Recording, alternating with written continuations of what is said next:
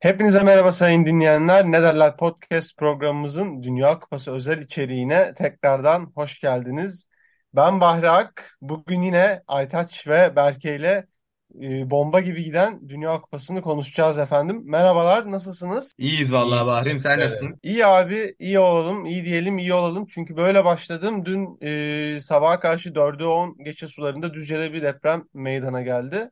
Bu depremde de gerçekten ben e, Adana'daydım ama bütün çevrem İstanbul'da korkunç bir şekilde uyandım WhatsApp mesajlarıyla. Bütün Türk halkına, bütün halkımıza depremi hisseden, etkilenen e, bütün herkese en içten geçmiş olsun dileklerimizi iletiyoruz program başlamadan. Evet evet vallahi iyi noktaya değindin. Ben de şahsen tam e, gece uyanıp e, tuvalet molası verirken e, denk geldim depreme. Ben de tabii uykulu olduğum için pek anlayamadım herhalde. Uykumdan dolayı birazcık böyle sallanıyorum gibi geldi. Ondan sonra tabii sabah uyandığımda gerçeğin farkına vardım. Aslında bu e, depremde hani bu herkesin özellikle uyarı verdiği, yaklaşan ve maalesef ki büyük sıkıntılar yaratabilecek İstanbul depremin depremine bir hazırlık maalesef ki kötü anlamda öyle değerlendirebiliriz. Ne Evet yazık benim ki de laflarımı ağzımdan aldı. Yani ben de İstanbul depreminin tetiklenmesi konusunda bazı endişeler içerisindeyim ki uzmanlar da İstanbul depreminin artık biriken enerjiye bakarak e, kaçınılmaz olduğunu zaten kaçınılmazdı ama artık bütün olasılıkların tükendiği yönünde açıklamalar yapmakta. E, öncelikle Düzce halkına buradan geçmiş olsunlarımı bütün Türkiye'ye geçmiş olsunlarımı iletiyorum. Aynı şekilde o zaman yavaş yavaş e, Dünya Kupası'na da bir bakalım. İlk gün başlamıştık. E, Ekvador-Katar maçıyla perde açıldı ve Ekvador'un rahat galibiyeti Fenerbahçeli futbolcu Ener Valencia'nın attığı iki golle Ekvador'u galibiyete taşıdı. Yani burada çok yorum yapamayacağım çünkü biz, bence o, biz bir futbol izlemedik yani. Katar e, ortaya bir futbol koyamadı. Yani sizin fikrinizi alayım kısaca yani. Kat, yani ilk, ilk günle ilgili. Ya ben e, dediğim gibi zaten Ener Valencia yani namı değer Türk insanların gözündeki Goat. Ya şeyin Ekvator'un ne Ekvator'daki en değerli oyuncu olduğunu gene herkese kanıtladı. Ekvator'un son Dünya Kupası'ndaki oynadığı 5 maçta son yani 2014'te de Ekvator'la beraber katılmıştı Ener Valencia. E, oradaki grup maçında 3 tane attı. Burada da ilk maçta 2 tane attı. Yani son 4 Dünya Kupası'nda 5 gol attı. Herhalde Dünya Kupası'ndaki şu an istatistiksel bakımdan en formda oyunculardan birisi. Dediğin gibi maalesef bu arada ev sahibi olan Katar'da e, futbol adına pek bir şey gösteremedi bize. Evet, Katar sahip olduğu Dünya Kupası'nın eksikliklerini takım kadrosunda da gösterdi bence. Ekvator maçın başından sonuna kadar çok üstün bir oyun oynadığını düşünüyorum. Ve Ener Valencia normalde 3 gol attı, biri iptal olmak üzere. Aslında 2 gol attı resmi olarak. Ve üstün bir oyun sergiledi ve Jesus hocamın izlerini başka takımların da gösterdiği gibi burada çok iyi bir şekilde bütün dünyaya göstermiş oldu.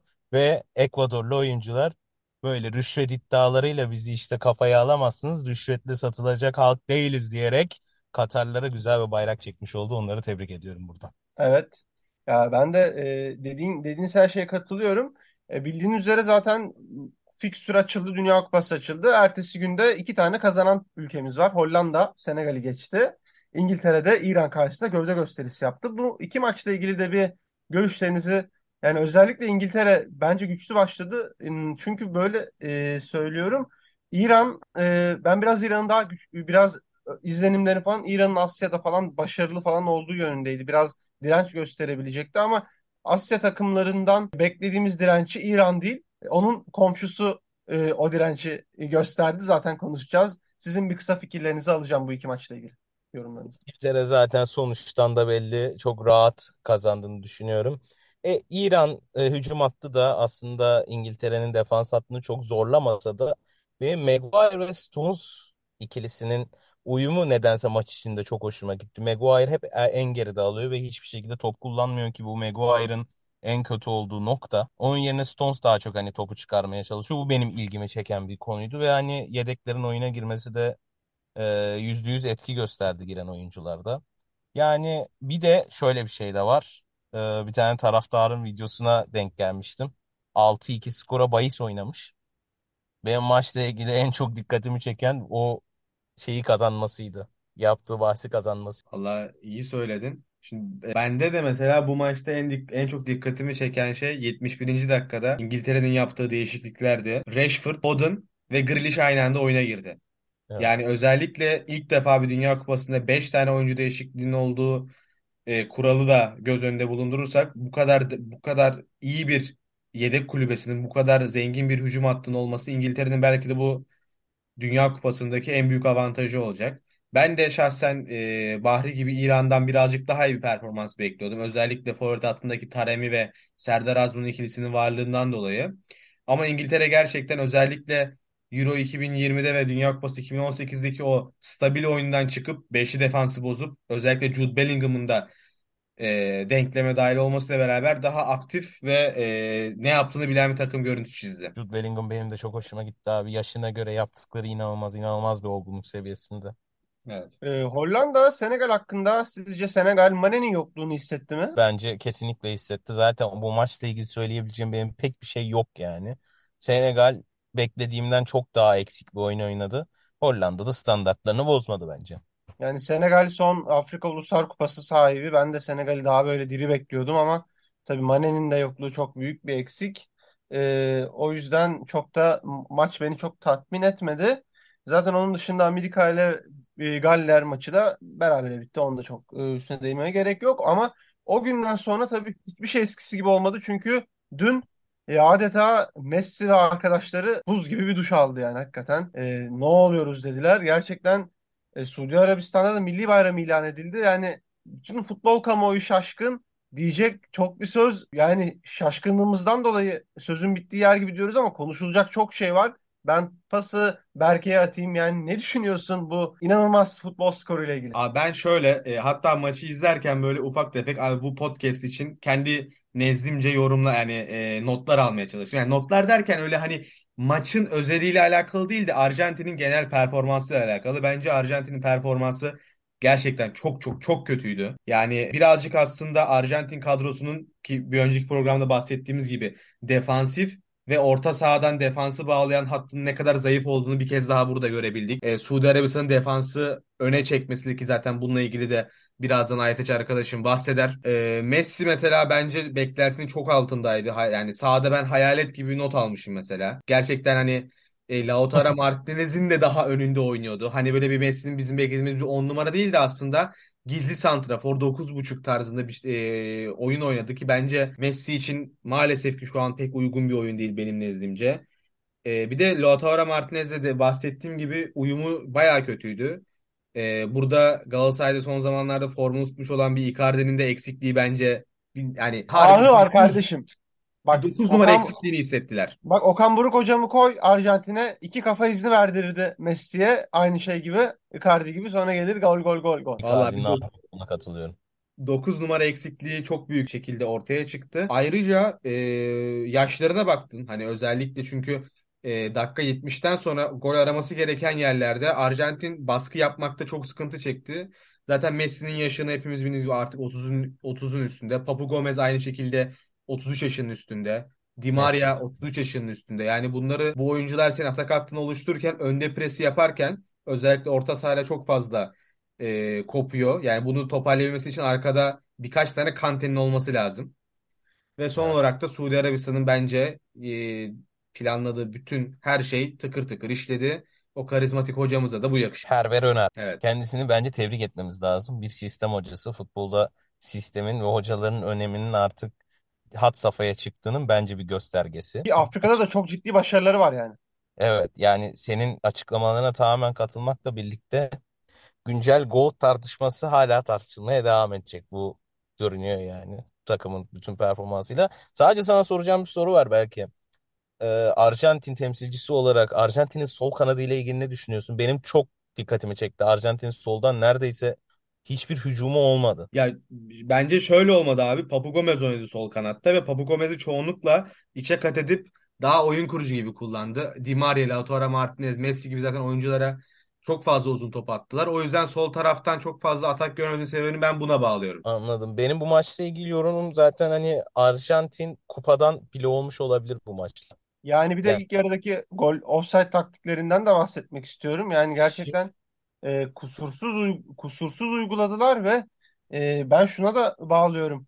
E, Al Ahly'ydi galiba yanlış hatırlamıyorsam. Jorge Jesus'un çalıştırdığı e, takım Al Hilal miydi? Yani e, Suudi Arabistan'da çalıştırdığı takımın E, 9'u aynı yani. O ilk 11 oynayan adam, ilk 11 oynayan takımın 9'u aynı takımdan. Sistem, pas, gözü kapalı nerede olacaklarını biliyorlar ve hakikaten e, o offside taktiğini de o kadar başarılı uyguladılar ki ilk yarı bittikten sonra Arjantin gol atıyor offside, gol atıyor offside. 8 kere offside'e düştüler. E, bir yerde zaten psikolojik olarak da kırıldı. Zaten bir de gol yediler üstüne. Zaten maçtan psikolojik olarak da tamamen koptular. E, gerçekten inanılmaz. Bak, tek kelimeyle inanılmaz. Tebrik ediyorum. Gerçekten tebrik Ben ediyorum. tebrik ediyorum. E, Arjantin buradan e, şeye bağlayacağım. Grubun diğer maçına e, bağlamak Bağlamadan hemen bir istiyorum. şey ekleyeyim mi? Tabii ki. Hervé Renard'la ilgili aslında çok ilginç magazinsel bir istatistik ben e, bu e, karşıma geldi dün e, şeyde gezinirken Instagram'da. E, şu an Hervé Renard Viviane diye diye bir hanımefendiyle aşk yaşıyormuş. Şimdi ne alaka diyeceksiniz? Viviane Diaye'ye e, 2002 Dünya Kupası'nda Senegal'in e, açılış maçında yani gruba başlangıç maçında Fransa'yı yenip çeyrek finale kadar çok sürpriz bir şekilde çıkıp orada Türkiye'ye elenen takımdı Senegal 2002 Dünya Kupası'nda. O zaman ise aynı şekilde Bruno Meso Senegal'in teknik direktörü'nün teknik direktörüyle beraber o da o zaman sevgiliymiş. Yani iki tane sürpriz takım Suudi Arabistan'a devam ederse acaba başarının adresi Viviana Dieye diyebilecek miyiz? Onu da merakla bekliyorum. Bu bilgileri yine erkeğin sadece arkasında bir kadın vardır. sadece ne derlerde bulabileceğiniz yine bir gurme bilgi. Gurme bilgi. O yüzden e, bu programın kıymetini bilelim lütfen. Türk halkından rica ediyorum. Ve grubun diğer maçına da bağlamak istiyorum. Lewandowski yine gol atamadı yani. E, yani Dünya Kupası'nda e, kül kedisi oluyor diyelim. Sin- Kül kedisine dönüşüyor. Bal kabağı mı oluyor? Ne işte neyse. Lewandowski atma, atamadı değil, attırmadılar. Heh, Biraz yani Ochoa parantez açıyor. Hakikaten e, Meksika'ya da ben baktım. Dün de e, Meksikalı bir arkadaşımla konuştum. Meksika e, Meksikalı arkadaşımla Ale- Alejandro Paul Mateo diye bir arkadaşım var. Onunla konuştum. Bana dedi ki bizim takımın tek eksiği dedi iyi bir santrafor dedi. Yani dedi ki iyi bitirici bir striker'ımız da olsa dedi ben takımın ön, önünü de iyi görüyorum dedi ama takımın da yaş ortalaması fazla. Buradan şuna bağlayacağım. Suudi Arabistan böyle giderse sürpriz yapmaya devam ederse Meksika ve Polonya'da biraz toparlarsa yani Meksika'nın da gruptan çıkma şansı var ve Arjantin gerçekten gruptan çıkma şansını zora soktu yani. Özellikle Meksika'nın bir kazanmasıyla birlikte e, gerçekten bu, bu cumartesi günü Meksika-Arjantin maçı da önemli bir final aslında Arjantin. ben katılıyorum bu dediğine. Zaten hani e, Arjantin kupadan bile olmuş olabilir açıklamalarım da zaten bu bilgiye istinadendi. Yani Arjantin'in önünde çok kritik iki maç var aslında. Kazanması gereken iki maç. Kesinlikle. Yani kazanamazsa Messi evine yapacak bir şey yok. Aynen Evet. öyle. Ama Ochoa geri döndü. An göre Onu izlemek bizim için çok önemli bence. Çok keyif alırız. Dünya kupalarında sadece karşımıza çıkan bir kaleci kendisi bence. Yani gerçekten Haklısın. öyle. Ben dün tabii bu maçtan sonra diğer maçlara da baktım ama e, son şampiyona da ayrı bir parantez açmak istiyorum. 6-7 eksikle geldiler yani. Bir sürü sakatları var ama gerçekten Didier Deschamps ve öğrencileri dün rahat geçti. Avustralya'yı çok rahat geçtiler. Tabii Avustralya'nın da kadro e, biraz zayıf. Yani Aziz Beyçi falan gördüm ama hakikaten e, Avustralya'da yani Fransa'nın da iyi bir mutlak iyi bir oyunu vardı. Siz ne düşünüyorsunuz son şampiyonla ilgili? Abi bence e, Fransa Mbappe'si diye bir farklılık var. Mbappe Fransa'daki rolünde inanılmaz derecede efektif oynuyor. O sol kenarı gerçekten otobana çeviriyor. Çok rahat bir şekilde oynuyor. E, tamam dediğin gibi e, Fransa'nınki bu arada dün de Lucas Hernandez ön çapraz bağlarını kopardı. O da eksiklikler arasına girdi. Ya şimdi dediğin gibi 6-7 tane çok kritik oyuncuları eksik ama gene adamların ilk 11'ine bakıyorsun. İnanılmaz bir ilk 11'leri var adamların yani. O kadar bir e, şeyi var ki e, kadro derinliği. Fransa ki herkes bu sene Fransa'dan korkuyordu. E, geçmiş Dünya Kupalarına göre 2002'den beri yapılan Dünya Kupalarına göre bu arada Fransa maksimum gruplarda 3 gol atabiliyorken bu sezon ilk maçında 4 gole ulaştı. Bu da çok ilginç bir istatistik bence Fransa için. Fransa her şeye rağmen ben buradayım diyor bence kalitesiyle, kadro derinliğiyle dediğin gibi. Sadece Giroud, Giroud'un da performansı ilginçti bence dünkü maçta. Yine yaptı yapacağını. Thierry Tarihe Henry'nin de Rusya'dan eşitledi. Evet, tarihe de geçti. Fransa tarihine geçti. E, bu evet e, yani gerçekten e, eklemek istediğiniz bir şey var mı e, Ben sakatlıklarına rağmen Fransa'nın gerçekten hala bir mücadele verdiğini ve belki de işte bir önceki Dünya Kupası'nı kazananla kazanan takımın bir sonraki Dünya Kupası'nda gruptan bile çıkamadığı kehanetini ve lanetini bozacağını düşünüyorum Fransa'nın. Evet öyle gösterdi özellikle ilk maçla beraber. Evet, o zaman e, match day'lere de bakıyorum. E, bugün de acayip bir sürpriz oldu. Buna da yani Japonya Almanya'yı bir sıfırdan 2-1 hakikaten Evet. e, Hiroshi Takashi Makat yaptı. E, Satoshi yani hakikaten e, Japonları çok seviyorum. Ayrı bir sempatim var.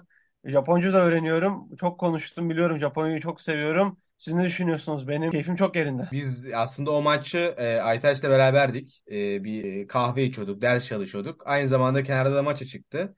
Ondan sonra işte maç başlarken Aytaç Almanya'nın ilk yarıdan farkı o yapabileceğini, daha rahat bir şekilde kazanabileceğini düşünüyor. Ben dedim ki abi bu Japonya bakmasan herifler yani hem pır pır hem e, sistematik olarak kötü takım değil. Hani ben de kazan kazanacaklarını düşünüyorum ama belki sıkıntı yaratabilirler diye düşündük. Düşündüm. Ve gerçekten de Almanya'yı geriden gelip yendiler. Yani yalan yok. Suudi Arabistan kadar büyük bir sürpriz değil ama bence bu da Dünya Kupası tarihine girebilecek sürprizlerden bir tanesi oldu. Buradan bir seslenişim var. Ey Rudiger! Şaklavanlık yapıyordun, gördün. Kesinlikle değineceğim bu konu. Ne gerek var arkadaş? Ne gerek var? Böyle böyle böyle böyle koşuyordu şaklaban gibi gördü sonra. Yani dalga geçer gibi Japonya yani kültürünün ve halkının e, entelektüel seviyesini e, bence sahaya da yansıttı. Kararlı, istikrarlı ve sabırlı bir oyun sergiledi Almanya'ya karşı. Almanya'nın bence son dünya şöhreti de devam ediyor. Yani kendine gelmesi lazım. Hansi Flick e, Bayern Münih'le başardıklarını ki Almanya'nın kadrosunun zaten yarısın, yarısı mıydı? Tam sayısını hatırlamıyorum. Bayern Münih'i oynattığı gibi Almanya'sını da oynatmalı ki bugünkü kadro seçimini ben çok yanlış buluyorum ki Berke de bana bu konuda bir açıklık getirmişti podcast'tan önce. Sané'nin sakatlığından dolayı böyle bir kadroyla çıkmak zorunda kalmışlar. Ben Havertz ve Müller ikilisinin önüne arkalı oy- oynaması gerektiğini düşünmüyorum. Özellikle Abi, Musiala'nın belki ortaya çekilmesi gerektiğini düşünenlerdenim. Naçizane. bence Almanya'nın maalesef ki yıllardır en büyük sıkıntısı 9 numara olamamı, 9 numaraya sahip olamaması. Zaten bugün aslında Almanya 3.37 gol, e, gol beklentisi yapmış. Hı Yani hı. gayet makul bir gol beklentisi ama işte ileride bitiricilik anlamında net bir adam olmadığı için Almanya'nın en büyük sıkıntı çektiği durumlardan birisi de maalesef ceza sahası içi. Evet. Başarılar. Yani bugün bir e, 7 seansına da baktım. Hakikaten e, acayip bir gol şöleni izledik. Yani koptu ya o maç. O.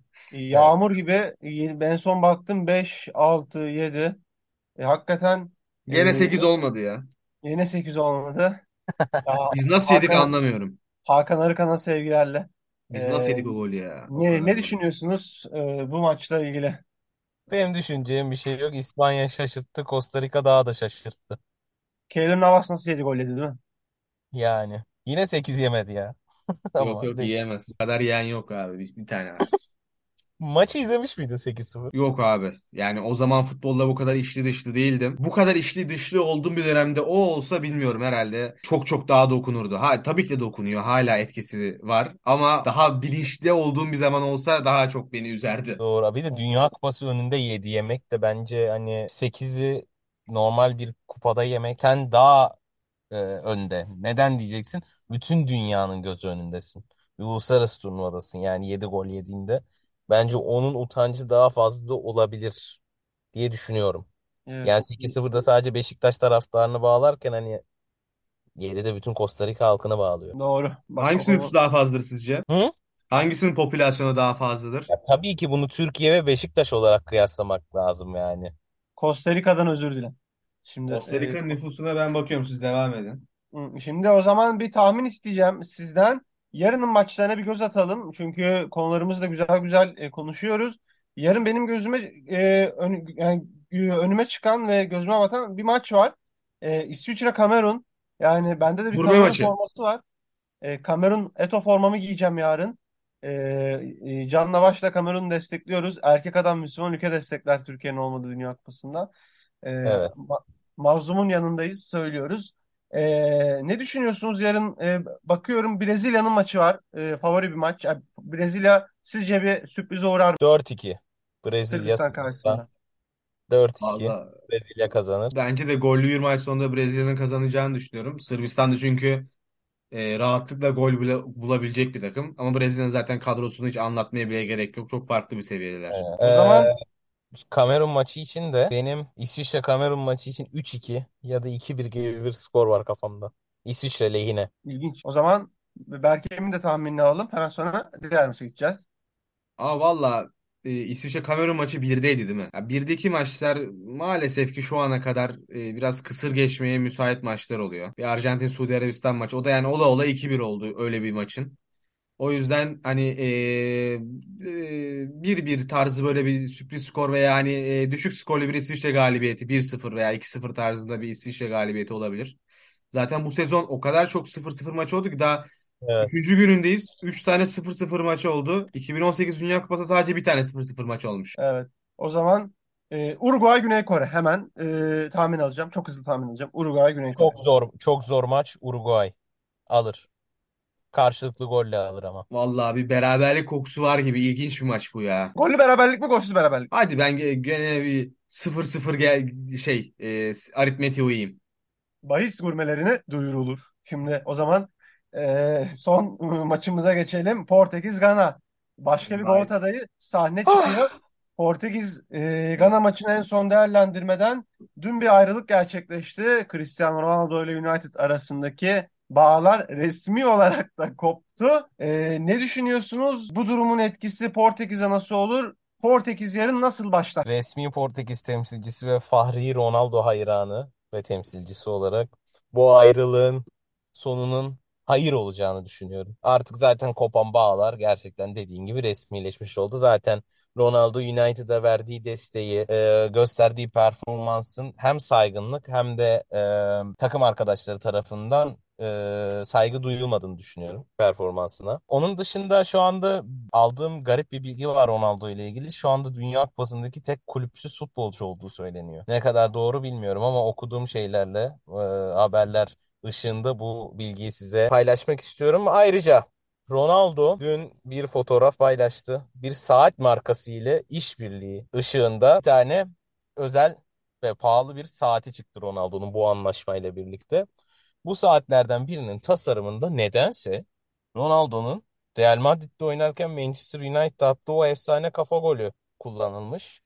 Bunun da Manchester United ile anlaşması feshedildiğinde Benzema'nın uzun bir yokluğunda Real Madrid'in bir forvet arayışında tam bu zamana denk gelmesi benim çok ilgimi çekti. Fiorentina Perez'in yerinde olsam kapıdan içeri sokmam. Yazık. Ayrıca çok önemli. Dünyayı kasıp kavuran Bruno Fernandes, Ronaldo e, geriliminin Bruno Fernandes tarafından yalanlanması ve görüntülerin sesli halinin Portekiz milli takımının tarafından yayınlanması ile birlikte aslında Ronaldo ve Fernandes'in arasında bir şakalaşma olduğunu, Bruno Fernandes'in de ağzından benim Ronaldo ile ilgili bir gerginliğim olamaz. Hiçbir takım arkadaşımla bir gerginliğim olmaz. Ben şu anda Portekiz takımındayım. 18 Aralık'a kadar e, 18 Aralık'tan sonra United oyuncusu olacağım diye bir açıklama yaptı ve aralarındaki gerginliğin aslında Ronaldo'ya devam eden bir medya baskısı ve spekülasyonu olduğu ortaya çıkmış oldu Bruno Fernandes'in ağzından.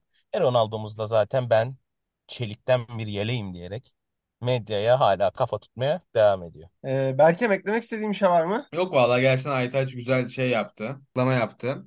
Onun dışında Ronaldo dediği gibi Aytaç'ın zaten e, bu zamana kadar her zaman böyle yoğun medya e, baskılarından daha fazla yani do- yoğun ba- e, medya baskılarına karşı çıktı. Ondan sonra onlara karşı her zaman e, bir cevabı olan bir futbolcuydu. Ondan dolayı bence buna da illa bir cevap verebilecektir. Bunu buna cevap verebilecek şu an en e, donanımlı oyuncu bence. Ne olursa olsun, yaşı ne- e, kaç olursa olsun. E, yarın karşısında bence e, uygun bir rakip var Portekiz'in ama işte uygun diyoruz. Arjantin şey oldu. Bugün Almanya'dan ilginç bir sürpriz çıktı. Tabii sürprizlerin olduğu bir Dünya Kupası ama tabii e, dışarıdan baktığımızda kağıt üstünde Portekiz'in net bir şekilde favori olduğu bir maç. Ya ben de bir şey eklemek istiyorum. Messi ve Ronaldo'nun dünyada büyük yankı uyandıran aynı anda paylaştığı bir reklam markası ile fotoğrafları yayınlandı. Ben senin o konuyla ilgili eee, yorumlarını merak ediyorum. Ben bir Ronaldo seversen bir Messi sever olarak bir Messi tarafı bu fotoğrafı nasıl yorumluyor? Bence e, özellikle bu kadar spekülasyonun üstüne ve Dünya Kupası başlangıcında verilebilecek en güzel e, sosyal medyadan verilebilecek en güzel cevaplardan biriydi. Ayrıca o e, şey hakkında, fotoğraf hakkında çok ilginç bir bilgi var. O satranç tahtasında O satranç tahtası da e, 2017'de Magnus Carlsen ve Hikari Nakamura'nın bir tane e, maçının son e, sahnesiymiş. O da şey anlamına geliyor. O maçta beraber etmiş. O çünkü o şeyde e, o stage'de, o seviyede hangi hareketi yaparsanız yapın oyunun hiçbir şekilde şahmat olma şansı yok. Yani burada verilen mesaj şu ki bu adamın bu adamların ikisi de GOAT, bu adamların ikisi de eşit. Bu adamlardan birisinin daha iyi olduğuna karar vermeyin. Bu adamların ikisinin varlığından zevk alın ve bu adam bu iki adama da saygı duyun mesajı verilmeye çalışmış. Bence Louis Vuitton'un özellikle Dünya Kupası'nda e, resmi sponsorlardan birisi olarak çok güzel mesaj verdiğini düşünüyorum. Ve yine bir gurme bilgi bunu da ne derlerdi başka yerde bulamazsınız. Magnus Carlsen e, satranç benzetmesi. Benim de eklemek istediğim bir şey yok. Çünkü zaten e, her şeyi detaylı olarak e, özetlediniz. Değerli yorumlarınız ve görüşleriniz için teşekkür ederim. Çok sağ ol değerli moderatörüm ve süper soruların için. Evet, O sağ olun. zaman e, bu bölümünde sonuna geldik sayın dinleyenler. E, bu bölümümüzde de Dünya Kupası'ndan öne çıkanları hep beraber değerlendirdik. Yeni bölümlerimizde görüşmek üzere. Hepinize hoşça kalın.